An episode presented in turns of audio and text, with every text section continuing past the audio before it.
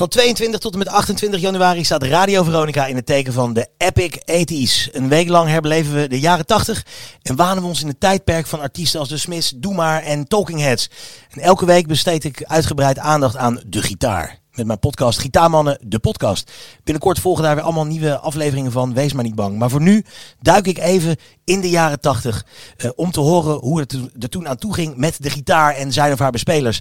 En aan de telefoon, of Zoom moet ik eigenlijk zeggen, heb ik gitarist Rob Winter. En die kennen we natuurlijk allemaal als gitarist van onder andere Kajak, Toontje Lager, Angela Groothuizen. En van een niet nader te noemen zanger, omdat het Marco Borsato betreft. Rob, hoe gaat het? Ja, gaat goed, uh, Etje. Nou, dat is hartstikke mooi. Fijn om te horen. Hey, um, de jaren tachtig, laten we het daar eens even over hebben. Want jij bent daar uh, flink in actief geweest in, uh, in die tijd. Ja, kan je zeggen dat dat voor jou zeg maar de, de, de, de, de hoogtijdagen waren? nou, ja, het begon voor mij natuurlijk wel echt in de jaren tachtig. Dus de, het, het, het haakjes succes. Want ik kwam bij Toontje Lager terecht. En Toontje Lager was dat moment een van de populairste bandjes van Nederland. Dus dat betreft kan je het wel zeggen. Ja, precies. En als we dan even kijken vanuit de gitaar gezien naar de jaren 70 en de jaren 80. Wat, wat was dan het meest grote verschil wat, wat, wat je zou kunnen benoemen?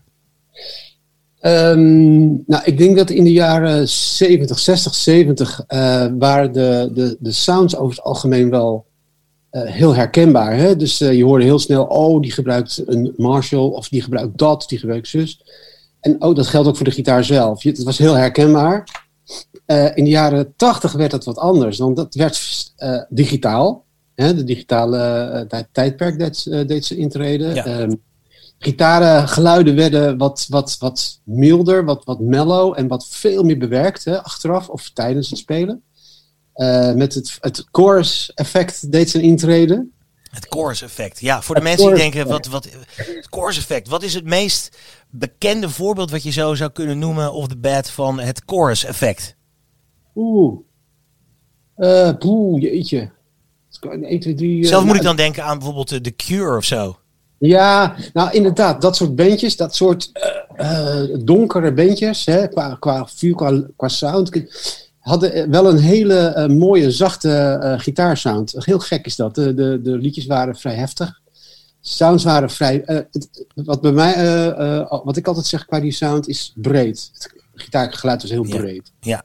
En um, ja, dat, dat, dat effect, dat hoorde je op een gegeven moment overal in terug. Ook over de vocals, over de drums. Het was gewoon één hele grote. Hè, de, de overgeproduceerde ja, dingen kwamen in de jaren tachtig. Ook de galm natuurlijk, hè, de digitale galm. Ja, ja de drums, hè, die, uh, ik, ik, weet nog wel, uh, als ik voorbeeldje mag noemen, ik stond in een kroeg in Alkmaar in uh, begin jaren tachtig. En het bandje wat daar speelde had even pauze en de, de barman draait een plaat en ik denk, wat is dat? Ik hoorde een hele heftig sound met een belletje. Achteraf was dat dus Grace Jones. Maar zij draaide de 12-inch single van, van Grace Jones, Slave to the Rhythm. En in het midden zit daar zo'n drum break. Een hele lange drum break van een maat of 16 of zo. En ik hoorde voor het eerst galm op de bassdrum. Ja. Nou echt, ik ging helemaal uit mijn bol. Ja, het was voor het eerst dat ik dat hoorde. Dus die hele grote producties, ja, in die tijd, ik vond het wel gaaf hoor. En dat kwam, kwam dat nou voort omdat de jaren 70 juist zo gort droog waren qua sound, denk je? Um, ja, ik denk het wel. Er kwam ook veel meer techniek. Hè? Dus uh, alles wat, uh, wat, wat, wat, de effecten werden betaalbaar. Hè? Dus elke gitarist kon een, een kastje kopen met uh, 10 of 12 effecten erin. En ze gewoon gebruiken. Terwijl in de jaren 70 was het gewoon uh, ja, niet te doen. Het waren hele dure bakken die, uh, ja, die echt nooit live meesleurden. Het was allemaal studiowerk vaak. En nu was het binnen handbereik, ook voor je live uh, shows. En dat is natuurlijk heel gaaf. Ja, nee, dat kan ik me heel goed voorstellen. Dat zorgt natuurlijk ook voor, als je die effecten tot je beschikking hebt, dat je natuurlijk anders muziek gaat maken. Nou ja, dat is ook zo. Hè? Je bent bijna een keyboard geworden. Is dat vergelijkbaar wat je nu hebt bijvoorbeeld met autotune? Wat natuurlijk ook ervoor zorgt dat de muziek verandert? ja, denk het wel. autotune, ja, nou, ja. Maar goed, ja, autotune, ik, uh, je hoort het hè, op een gegeven moment. Als je het te vaak uh, gebruikt, ga je het echt horen. Hè? En uh, in het begin denk je, oh, wat is zuiver allemaal ineens. Hey, wacht eens even. bleef, het begint nu wel een beetje op te vallen. Ja, precies. Nou, en, en, vaak worden dingen dan natuurlijk ook een soort van extra uitvergroot. In het geval van autotune natuurlijk. Um, En dat heb je natuurlijk ook wel, wat dat betreft vind ik, met bepaalde nou ja, bandjes binnen die, de, de, de hele ethische stroming. Dat ik op een gegeven moment dan denk van, oké, er hoeft niet overal galm op, zeg maar. nee, dat klopt. Maar ja, weet je, uh, de top 40 stond vroeger vol met, uh, met, met die muziek. Hè? En de ene inspireerde de ander. En, je, en dan kwam ineens Prince weer, hè? met uh, gordroge opnames. Hè? Vooral de vocal werd gordroog. Ja. Um, ja, het was wel een. Daarom vind ik de ethisch ook super interessant. Er werd ongelooflijk veel onderzocht en geëxperimenteerd. Ja, juist ook natuurlijk bijvoorbeeld met de gitaar, juist rechtstreeks een mengtafel ook in. Juist, hè? ja, ja. De, de, wat ik, ja, inderdaad, dat werd gedigitaliseerd. Dus je had zeg maar je versterker allemaal in een kleine, een kleine compacte vorm. Hè? Dus de, uh, ik weet nog dat de gitarist van Boston, Tom Scholz, uh, kwam met een uh, eigen apparaatje en daar stak je zijn gitaar in en dat ging de, de mengtafel in en het klonk alsof er 140 versterkers aan stonden. Nou, dat apparaatje, de, de, de Rockman, zoals dat heet, ja, dat werd echt massaal gebruikt. En wat zat er als, als main feature op dat ding? De chorus natuurlijk. Ja, de chorus inderdaad. Ja, dat is wel echt dat we dat, we dat samen met de galm toch wel als meest kenmerkend uh, geluid voor de, voor de ethisch mogen benoemen, denk ik. Hey, en hoe heb jij dan die ethisch beleefd? Hoe was het om toen uh, gitarist te zijn? Gitaristen waren toch een soort van halfgoden in die tijd. Uh, jawel, maar dat was bij mij een beetje toontje laag toch niet echt zo aan de orde. Hè? Dat was toch meer een. Uh, het ging toch allemaal om de zanger, waar de meisjes voor flauw vielen. dus uh, ja, nee, maar ja, de, de, sound is wel echt, als je terugluistert, denk je, jeetje, het is echt, het is zo bepalend voor die tijd.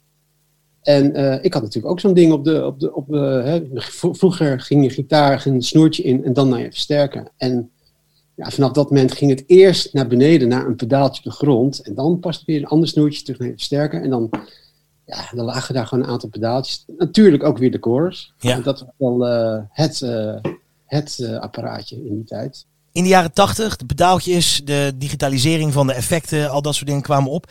Was het ook voor het eerst dan het moment dat echt de pedalboards zoals we die nu kennen, dus ja, ja bijna een soort van vliegdekschepen, dat die voor het eerst zijn intreden deden, was het ook al in de 70s een beetje aan de gang? Nou, in de 70s zag je wel wat pedaaltjes, maar dat waren uh, uh, vaak van die, van die fuzz-achtige dingen. Hè? Dus de, de, de, de, de drives zag je veel. Ja. Uh, Eddie van Helen had bijvoorbeeld de ouderwetse Echo, Echo-plek. Ja. Die zag je veel. Maar dat waren toch wel apparaten die ergens opstonden. Hè? de, de echte pedaaltjes, voor je neus, die zag je vaak, die zag je echt in de jaren tachtig verschijnen. En toen werden ook uh, de, de, de multipedals werden toen al populair. Hè? Dus uh, ik weet niet of ik merken mag noemen hoor. Zeker, maar, ja hoor. Ja, nou, de Roland bijvoorbeeld kwam met zo'n uh, een multi-effector, met uh, acht effecten wel. En twee jaar later een apparaat met 16 effecten en die kon je dan bedienen. Het was een 19-inch unit, die schoof je dan in je rekje. Dan gaat de kabel uit, op de grond ligt dan je, je controller. Ja, dan kon je dus gewoon uh, naar hartelust effecten met elkaar combineren. Dus dat was echt ja, 80. En dat ging toen ook al via MIDI? ja, dat ging via, veel via MIDI, omdat ehm, ja, je wil natuurlijk heel veel apparaten met elkaar laten communiceren. Dat betekent dat je ze moest doorlussen en dat kan met een, een MIDI-snoertje. Ja, dus de, kom, de komst van MIDI was ook wel echt in de jaren 80 natuurlijk een, een hele grote doorbraak. Ja, want ik weet nog wel dat ik uh, mijn eerste repetitie met Toontje Lager, toen had Toetsman twee nieuwe keyboards gekocht. En hij zei, kijk nou eens. En hij verbindt ze door met een kabeltje en hij speelt op de onderste en je hoorde de bovenste ook. Nou, dat vond ik echt zo, uh, zo kicken. Ja. En, dat, ja, en dat, dat, de gitaristen gingen dat natuurlijk ook doen met hun apparatuur. En ehm, dat is ook wel, denk ik, wel een beetje de reden waarom je best wel veel gitaristen later studiotechnici zijn geworden. Het zijn natuurlijk altijd knutselaars, draaiknopjes. Ja. Weet je wel? Dat zie je bassisten vaak niet zoveel doen. nee. ja, ja, voor alle bassisten die nu luisteren, het is niks persoonlijks hoor. We houden van jullie.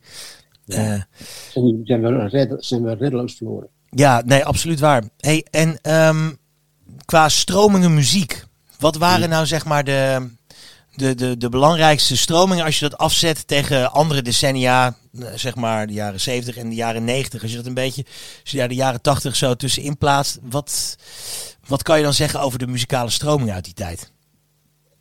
Ehm, nou, het, waar het volgens mij in de jaren 70 uh, of rock of disco was, een beetje, uh, nou, het zal er misschien wel iets meer tussen hebben gezeten, maar het waren duidelijk uh, misschien drie echte heel duidelijke stromingen. In de jaren 80 werd het echt enorm versplinterd. Dat ging alle kanten op. En dat vind ik ook precies juist het leuke van de 80, jaren 80. Uh, de rap, weet je wel, kreeg een, een hele duidelijke plek. Ja. Nederlandstalige pop werd heel, heel uh, populair. De hairbands, hair rock, zeg maar. Ja. De, over de top geproduceerde heavy metal, uh, de Bon Jovi's en zo. Alles uh, bestond naast elkaar. Ja, ik vond het echt super leuk. En Prince hè, en, en Bowie, alles. alles ja, die waren natuurlijk ook aan het experimenteren, vooral Bowie. Weet je wel. Dus ja, ik vond het echt een, een, een geweldig decennium. Denk je dat we nu anno 2022 de ethisch uh, beter op waarde kunnen schatten dan bijvoorbeeld uh, eind, eind 90s? Um, ja, ik denk, van wat mij betreft wel hoor. Ik, ik, kijk, you, you love it or you hate it hoor je heel vaak over de ethisch. Ja. En ik vond het juist heel erg leuk. Kijk, ik ken natuurlijk wel, ja, mijn eerste grote dingen heb ik in de jaren 80 gedaan. Dus voor mij blijft dat decennium heel erg belangrijk. Um, wat ik net zei, op zei, qua, qua, muziekstroming vind ik het nog steeds uh, echt uh, heel interessant. Uh, en ik denk zeker dat we dat nu beter kunnen waarderen dan, dan in de 90s en begin 2000. Ja. Ik vind de 90s zelf niet zo heel interessant, eerlijk gezegd. Nee, nee, nee, nee. Dat, ik denk dat je, dat je wel gelijk hebt daarin. Ik zou niet weten, dat, over 20 jaar terug gaat naar de 90s, dan zou ik ook ja, niet echt weten. Dat, ja, misschien Britpop. Ja, dat misschien. Ja, Britpop, ja. een beetje hè, R.E.M. dingen en zo. Maar dat, dat, dat heeft natuurlijk zijn, zijn, zijn voeten uitgebreid uh, en stevig in de jaren tachtig staan. Ja, de Roots hebben ze uiteindelijk allemaal in de jaren tachtig. En heel veel bekende, bekende bandjes uit de begin jaren tachtig hebben hun roots ook wel weer in de jaren zeventig. Ja, natuurlijk. Weet je, het is, ook, het is natuurlijk ook eigenlijk veel te kort door de bocht om het zo uh, af te ja. kaderen. Want het is natuurlijk een onwijs um, dynamisch ding wat, wat ook op een soort organische manier ontstaat.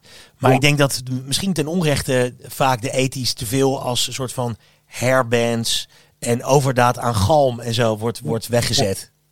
Nou, wat ook wel, wat, wat dan vind ik zelf iets mindere kant van de ethisch. Kijk, ik kende heel veel drummers die echt werkloos waren in die tijd. Uh, de drumcomputer deed ze intreden. Dus uh, uh, weet je wel, ik heb, heb je het, het, boek van Steve Lukather toevallig gelezen? Nog niet, nee. Nou, dat moet je echt doen. Er staat een hele leuke passage in over, over de drumcomputer, over de Lindrum. Ja. En Lin, Roger Lin had heel samen, goed samengewerkt met Jeff Porcaro. En zijn geluid gesampled en dat in een computer, in een chip ge gezet. En toen kwamen de mannen bij elkaar om te luisteren van nou, oké, okay, hoe, hoe werkt dat? Hoe klinkt dat? En nou, uh, Roger Lynn liet het horen en toen het klaar was, zei Jeff Porcaro: Oké, okay, uh, gentlemen, we have to destroy this apparatus now. Die zag natuurlijk al, al aankomen dat, uh, ja, dat, dat met dit apparaat heel veel drummers werkloos werden. En dat Ja. gebeurde dus ook, hè? Is dat toen wel echt een probleem geweest in die tijd? Ja, ja, ja. De drummer die ook bij, eh bij Borsato, waar ik met, eh, mee eh, bij Borsato speelde, die, eh, ja, die raakte ook eh, gewoon steeds meer eh studioklussen kwijt. Hè? En eh, die had het wel slim bekeken, want die kocht namelijk een heel mooi duur drumcomputertje en ging eens even uitzoeken hoe dat werkt. En die ging zichzelf verhuren met een drumcomputer. Ton Dijkman heb je het nu over, denk ik. ja, precies. Ja, precies. Oh, Ja. geweldig. Ja, dat is, Ja, wel, ja, dat is wel een gevaar natuurlijk. Achteraf blijkt het prima naast elkaar te kunnen bestaan. Ja. Maar ik kan me wel die angst voorstellen. Zijn Ja, er ooit eh, op gitaargebied van dat soort ont- ontwikkelingen geweest... waardoor jij dacht van, oeh, nou wordt het een beetje tricky. Nou, in het begin 2000 kwamen die softwarepakketten hè, van de drums en de bas. En, eh, en, en zelfs koortjes A en O kon je mooie sampletjes van kopen. En ja, de gitaar, dat, is, dat bleef toch altijd een beetje, Ja. plastic. Hè? Alhoewel, ik heb laatst weer een, eh, zo'n sample, als een eh, softwarepakket geluisterd. Toen dacht ik, oeh. Ja, als het Oeh, aangaat op, eh, aankomt op het, het strumming, eh, akoestische werk en dat soort Ja. zaken... dan, eh, dan is het er wel al. Ja, dat is er wel, ja. ja. Maar op een of andere manier heb- is er nooit een partijtje wat ik echt... Kijk, ik gebruik het niet echt hoor, maar ik ken wel mensen in mijn omgeving.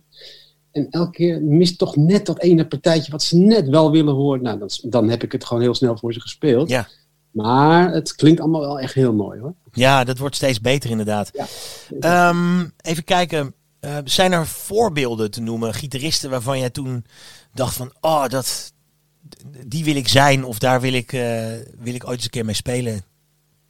Eh, nou, ik heb, kijk, in de jaren tachtig kreeg je, eh, had je Trevor Horn, de, de, de bekende Engelse producer. Onder andere wat ik net over Grace Jones vertelde, dat, dat produceerde hij ook. Maar hij produceerde ook Yes. Ja. Het bekende nummer is Owner of a Lonely Heart. Ehm, daar zat ene Trevor Rabin in, een gitarist uit Zuid-Afrika. Ja, die, eh, dat vond ik echt wel echt heel erg gaaf hoor. Want die, die eh, had zijn roots uiteindelijk ook uit de 60s, maar eh, bracht die sound mee naar de 80 jaren. En dat vond ik echt zo gaaf. Ja. Dus die, ja, dat vind ik wel een ja, fenomeen. En heb je die ooit wel eens ontmoet of gesproken? Nee, of, Nee, nee, helaas. Ook nooit zien spelen live trouwens, ook niet. Nee. Maar dat was wel, dat is natuurlijk wel echt als je het hebt over inderdaad legendarische gitaargeluiden binnen een Ja. popliedje. Ja, Dan is dat wel, eh, wel, eh, wel heel erg bepalend te noemen, denk ik. Owner of zeker. Hij was een jonge onderzoeker, want hij heel veel van die samples uit dat nummer. eh, Samples, hè, stukjes eh, van een orkest erin ge- in gemonteerd, eh, via een keyboard aangestuurd. Dat, die sounds heeft hij bijna allemaal gemaakt. Wij dachten allemaal dat dat Ja. Trevor Horn was, maar dat was gewoon Oh, dat was zijn hij. naamgenoot. Trevor Rabin. Nou, dan gaan we die nu gewoon even draaien. En eh, Rob, dan wil ik jou danken voor, eh, voor jouw tijd en voor jouw, eh, nou toch wel een soort klein college over het gitaargeluid in de jaren tachtig. Graag gedaan. Dank voor het luisteren naar Gitaarmannen de podcast. Wil je adverteren of samenwerken? Ik sta overal voor open. Gitaarmannen de podcast groeit elke week en is dé podcast waar inmiddels duizenden gitaarliefhebbers naar luisteren en kijken. Interesse? Stuur een mailtje info@gitaarmannen.nl